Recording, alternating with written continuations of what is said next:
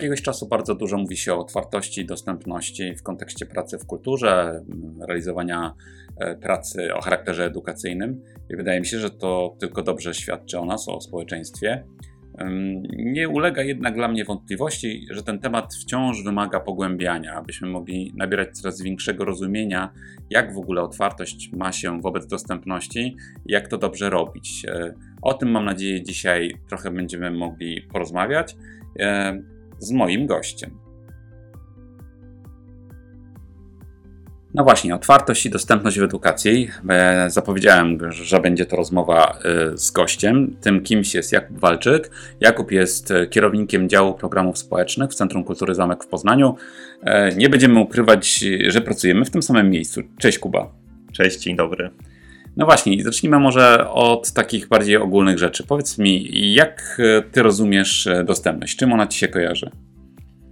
Wiesz co, dostępność przede wszystkim rozumiem z procesem i z nauką, bo gdybyś mnie zapytał, jak zaczynałem pracę w zamku, to był 2013 rok, najpierw na wolontariacie, a potem mniej więcej um, rok później zaczynam już taką pracę, pracę, no to wtedy wówczas dostępność ko kojarzyła mi się z takim jednym bardzo istotnym elementem, czyli dostępność dla osób, które poruszają się na wózkach. Wtedy powiedziałbym na wózkach inwalidzkich, ale dzisiaj już wiem, że tak e, się nie mówi, więc um, dla osób, które poruszają się na wózkach, wtedy tak kojarzyłem w ogóle różnego rodzaju niepełnosprawności. I wydawało mi się, że podjazdy w przestrzeni załatwiają sprawę, podjazdy, rampy czy, czy podnośniki załatwiają sprawę i sprawiają, że instytucja kultury jest dostępna.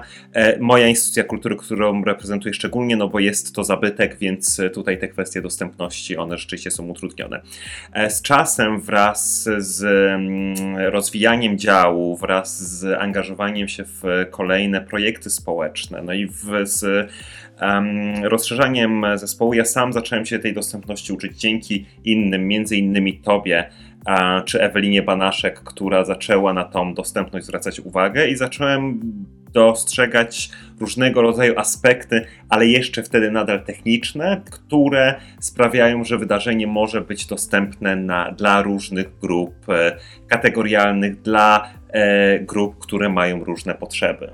No właśnie, czyli z jednej strony mówisz, że to jest infrastruktura, czy te mm, kwestie techniczne i że e, powoli mm, jakby się tego uczyliśmy, no bo nie będę ukrywał, że ze mną było podobnie, że kiedy była mowa o tym, że trzeba e, działać, byśmy funkcjonowali w przestrzeni na równych prawach, niezależnie od naszych sprawności czy, czy jakichś, nie wiem, uwarunkowań cielesnych, no to, że byli ci wózkowicze, nie? I tak samo jak e, ty, też myślałem, że, że wózek inwalidzki to nie jest żadne określenie, które niesie ze sobą negatywne konotacje. E, no i mm, konkretnie można byłoby e, działać czy zabiegać o to, żeby były podnośniki, żeby były rampy, żeby w ogóle na przykład do instytucji czy do instytucji edukacyjnej był podjazd, a nie wymagało to, nie wiem, jakiejś interwencji w, postaci, nie wiem, obecności kogoś, kto, kto pomaga osobie na wózku, by się dostać do tej przestrzeni.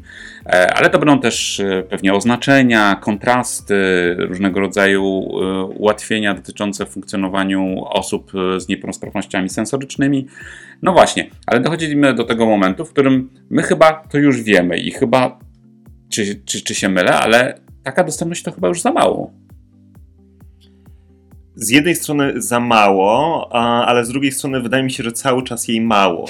Że na przykład tłumaczenia na polski, wydarzenia tłumaczone na polski język migowy dzisiaj już powinny być standardem i powinny być po prostu wplecione nie tylko w tą kulturę instytucjonalną, ale też w tą kulturę popularną w telewizji, w mainstreamowych stacji, stacjach e, telewizyjnych, w których programy rozrywkowe, bo to też jest kultura. Jeżeli ktoś definiuje kulturę tak jak ja, czyli szeroko, jako przede wszystkim relacje, jako spotkanie, jako bycie z ludźmi, dla których różnego rodzaju teksty kultury bezwartościowania są pretekstami do spotkań, do rozmowy, no to tutaj e, cały czas jest tego mało. Natomiast jeżeli mówimy o takiej bańce kultury instytucjonalnej, e, czy animacji, czy edukacji dorosłych wokół kultury, no to tutaj rzeczywiście ta dostępność techniczna, ona dzisiaj jest dosyć dużym tematem i dosyć dużo się o tym mówi. Jest coraz lepiej, coraz więcej wydarzeń jest tłumaczonych na polski język migowy, coraz więcej wydarzeń ma audiodeskrypcję do tego, żeby osoby niewidzące lub słabowidzące mogły na pełnych prawach uczestniczyć. Coraz więcej mówi się też o osobach atypowych i o tym, żeby dostosować różnego rodzaju bodźce w taki sposób, żeby czuły się w danej przestrzeni bezpieczniej. Więc rzeczywiście jakby te techniczne aspekty, one są w polu kultury czy w bańce instytucjonalnej dosyć mocno obecne, również chociażby za sprawą uruchomienia, uruchomienia programu dotacyjnego PEFRON-u Kultura bez barier, który to właśnie z jednej strony um, dawał możliwość realizacji programów, ale z drugiej strony dawał to, czego Ministerstwo i Narodowe Centrum Kultury w swoich dotacjach nie dają, czyli możliwość zakupu, zakupu środków trwałych. Więc, więc mam wrażenie, że ostatnie lata ta techniczna dostępność bardzo mocno przyspieszyła. No właśnie, bo e, nasi słuchacze i słuchaczki, osoby, które są e, z nami na platformie Epale, mogą Ciebie kojarzyć, bo e, przed paroma miesiącami zrealizowałem wywiad z Tobą oraz z Joanną Stankiewicz, też naszą koleżanką z pracy, na temat jednego e, z projektów, za który odpowiadacie. To jest projekt Kino bez barier i e, przed chwilą właśnie chyba jest czytelne jasne, że nawiązywałeś do, do tego konkursu, czyli Kultura bez barier, w ramach którego udało się uruchomić również środki na infrastrukturę, czyli te wszystkie kwestie związane z dostępnością architektoniczną, ale także mm, ułatwieniu dostępie, dostępu do na przykład kultury filmowej poprzez e, odpowiednie przygotowanie filmu e, z audiodeskrypcją, z napisami, z przygotowaniem przestrzeni do tego, aby na przykład była wyposażona w pętlę indukcyjną, etc. To się zadziało, ale nie tylko, prawda? Więc e, pytanie jest, e, jak jeszcze sobie opowiadaliście i opowiadacie dostępność w, e, w kontekście realizowanego przez Was projektu Kultura bez Kino bez barier? Wiesz co, my mieliśmy to szczęście, że zanim przystąpiliśmy z Janną do realizacji Kina bez barier, ja byłem już po 3-4 latach próby realizacji projektu Obrazy Wrażliwe w ramach e, którego rzeczywiście dbaliśmy o tą dostępność techniczną. E, czyli filmy pokazywaliśmy z audiodeskrypcją, z napisami, natomiast grupy, do których chcieliśmy trafić, nie były odbiorcami, odbiorczyniami tych wydarzeń. Te wydarzenia fakt faktem cieszyły się frekwencją przyzwoitą, ale nie taką, jaką byśmy sobie życzyli w kontekście grup docelowych. No i wtedy też analizując te błędy, które, e, które popełniliśmy, przygotowując się do tego projektu, wiedzieliśmy, że to, że zaproponujemy PJM i audiodeskrypcję, to nie sprawi, że ludzie, grupy, dla których takie rozwiązania są potrzebne do tego, żeby skorzystać z kultury, będą do nas walić drzwiami i oknami, mówiąc tutaj e, w nawiasie. E, dlatego, że no, przez lata nie byliśmy dla nich dostępne i dostępni, więc nagle Centrum Kultury Zamek nie stanie się instytucją, która na ich mapie, która na ich mapie, e, która na ich mapie będzie um, ciekawym miejscem do odwiedzenia. Więc to, co trzeba było zrobić i to, co już wiedzieliśmy, to to, że te rozwiązania techniczne nie wystarczą i zaczęliśmy ten projekt budować poprzez relacje, czyli zastąpiliśmy klasyczną promocję wrzucania postów na Facebooka, um, on, informowania um, w newsletterach itd., tak itd., tak poprzez wybranie się do partnerskich organizacji, które najpierw zmapowaliśmy, opowiedzieliśmy o projekcie, zapytaliśmy o potrzeby, i e, wokół tego zaprojektowaliśmy kino bez barier, które dzięki temu, że od początku grupy były włączone, mm, to e, cieszyło się od początku sporą frekwencją. I do tego też podczas tych rozmów, e, podczas tego rozpoznania potrzeb, to nasze rozumienie dostępności nie tylko podczas tych rozmów, również podczas chociażby Twojego projektu, jakim była Sztuka w Ciemno, um, czy, czy wystawy Nie widać e, dotyczącej niewidzialnych, niewidocznych niepełnosprawności, a zaczęliśmy też tą kategorię dostępności rozszerzać, rozumieć ją relacyjnie, nie tylko technicznie, ale patrzeć na to, że możemy mieć różne potrzeby i ta dostępność ona nie tyczy się tylko wzroku, nie tyczy się tylko słuchu, ale może tyczyć również e, innych aspektów, takich jak ekonomia, takich jak rozumienie, takich jak wykształcenie.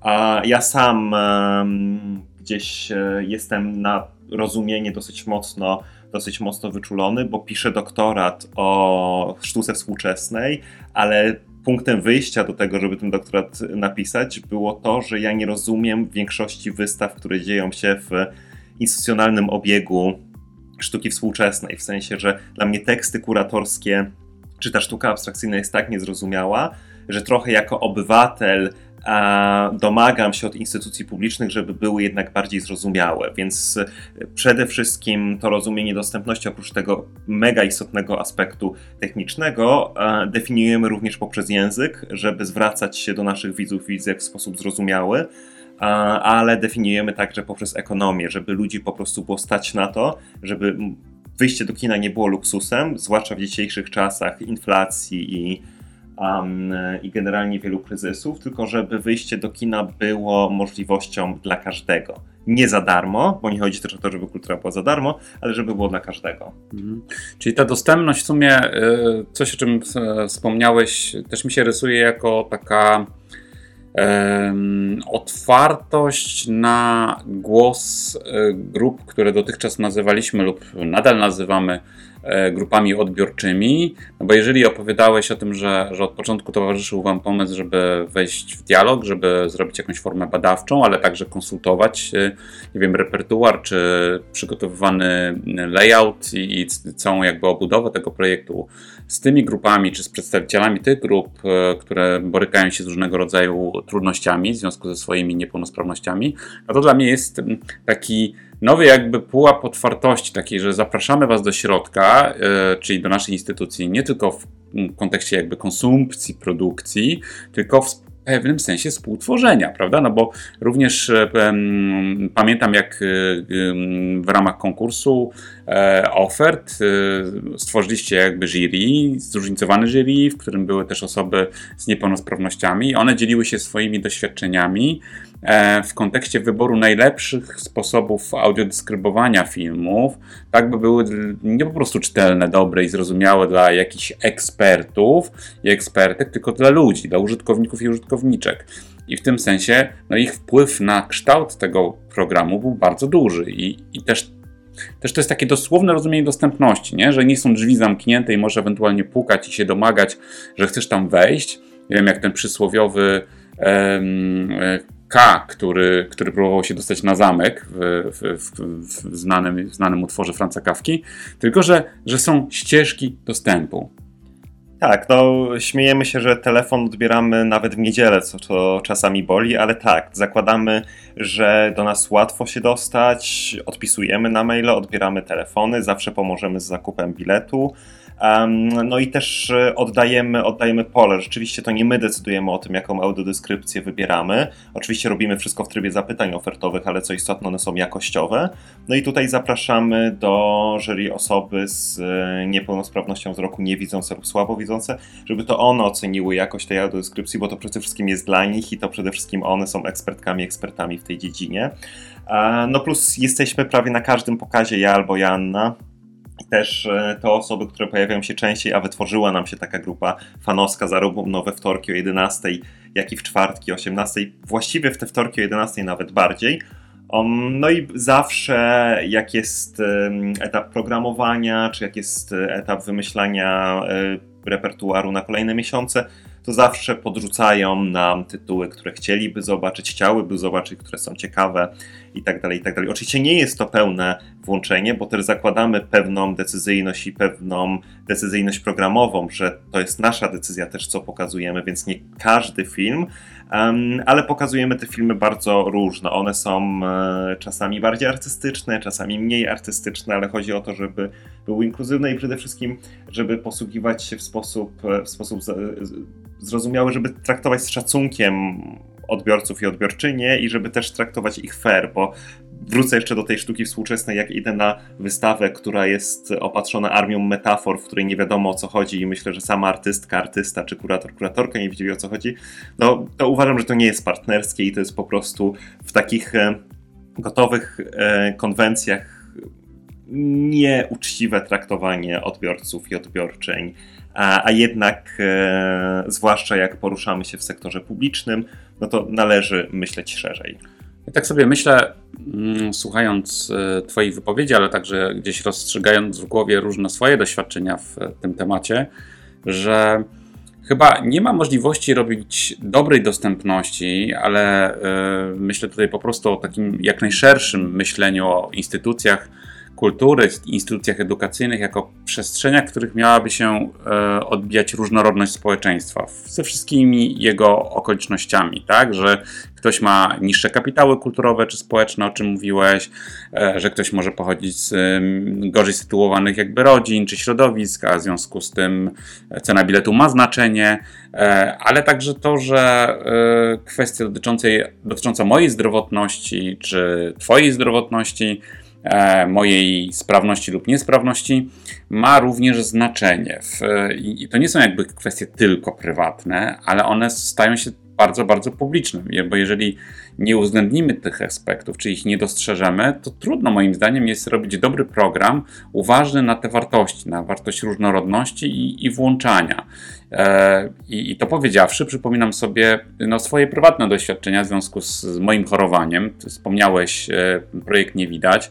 Też pisałem o nim swego czasu na, na blogu e, Epale. Zachęcam, żeby sobie to e, może odszukać, ale jest to moment, w którym się autuję jako osoba chora, jako osoba chorująca na stwardnienie rozsiane i doświadczająca niewidocznej niepełnosprawności. Ktoś by powiedział, no ale po co tutaj opowiadać o takich e, prywatnych historiach, tak?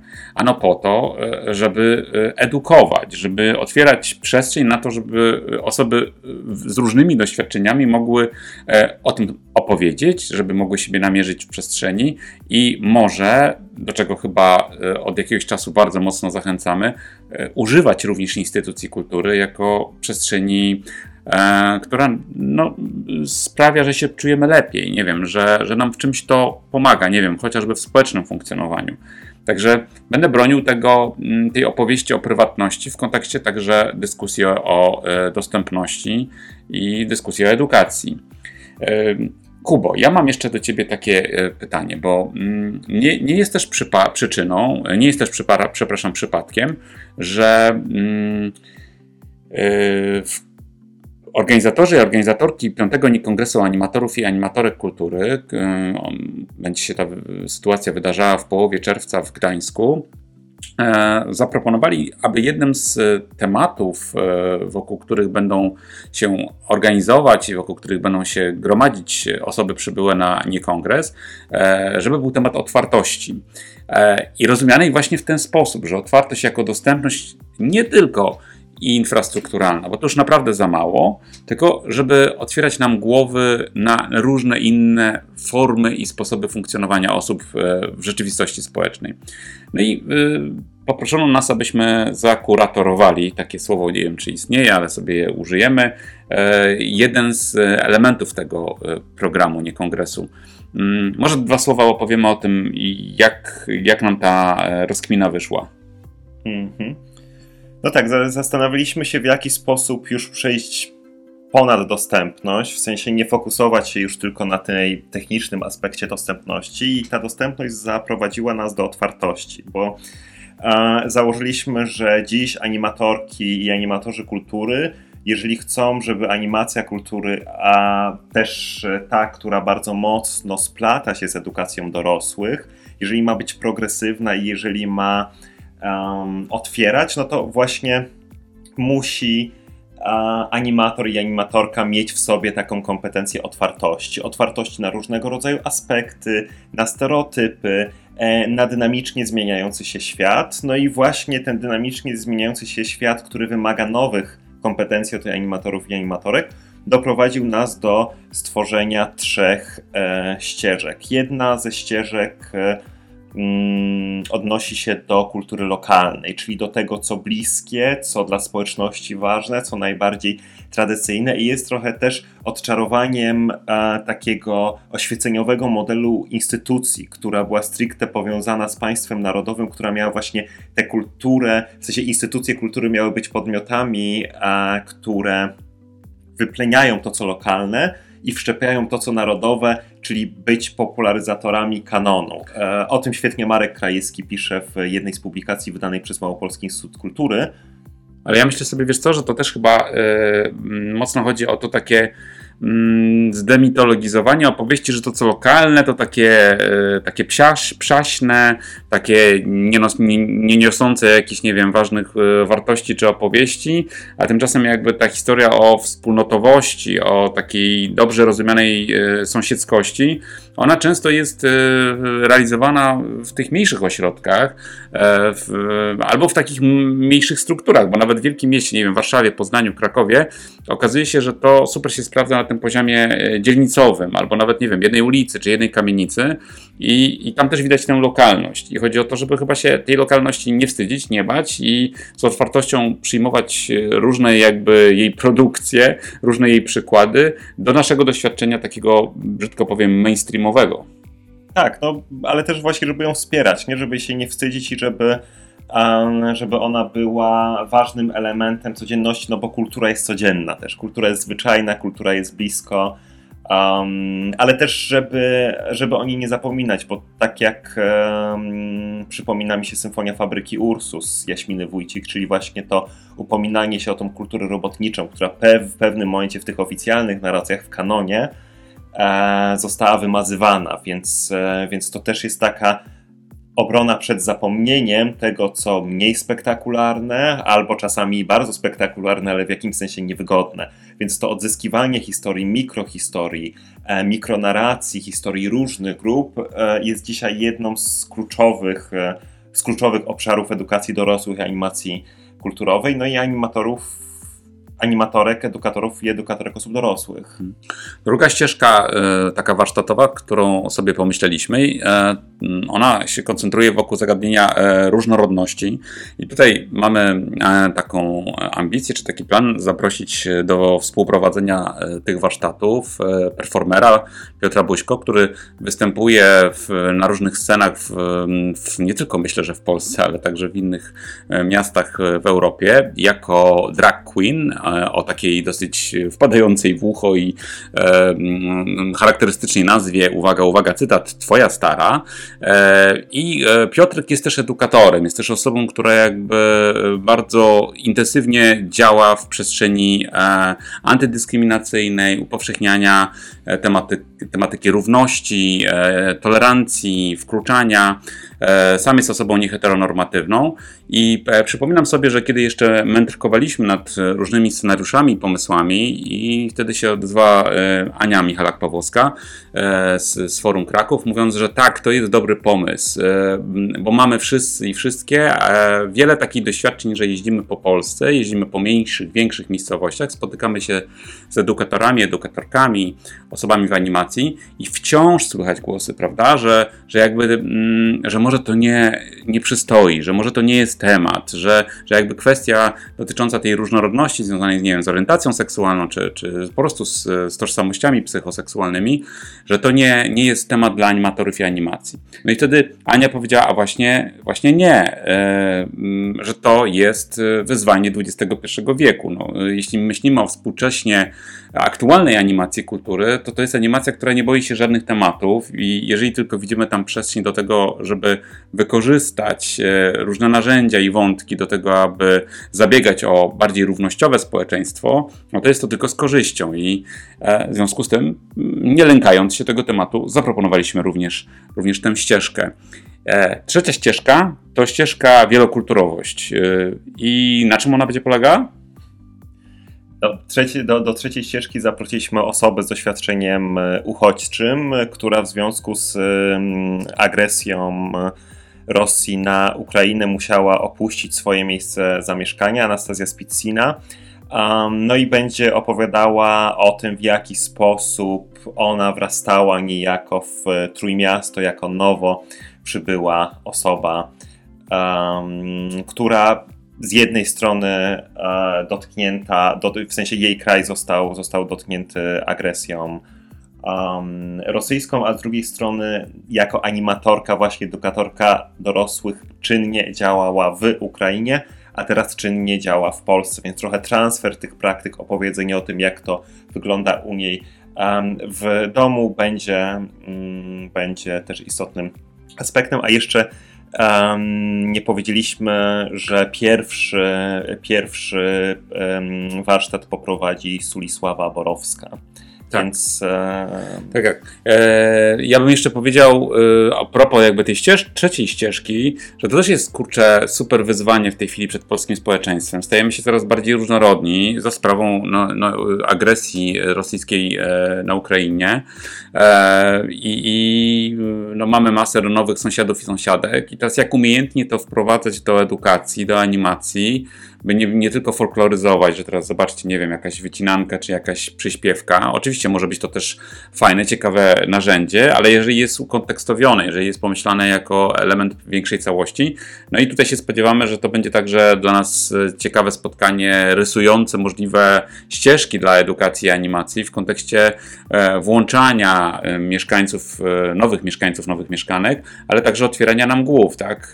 Osób, które na terytorium polskim żyją już y, od dawien dawna, tak? I się y, y, identyfikujemy jako Polacy lub Polki, także to, to, też jest, to też jest ważne. No tak, to otwieranie głów będzie tym przewodnim motywem i ono będzie wracało jak w każdej z tych kategorii, no bo jednak um, animacja kultury powin i edukacja dorosłych powinny zadawać pytania trudne, powinny z czasami wsadzać kij w mrowisko i powinny um, zadawać te pytania. Obszar kultury w ogóle jest obszarem takim, który powinno się zadawać te pytania, um, które czasami są wypierane albo czasami jawią się jako trudne, chociaż wcale trudne nie są. Um, no to jest tak jak na przykład z tym, um, z, ze sztuką drag queens. Dziś już w wielu przestrzeniach uprawianie dragu, bo tak o tym e, można powiedzieć, jest zaliczane do kultury wysokiej. Drag jest aktywistyczny, drag jest performerski, drag jest bardzo zróżnicowany i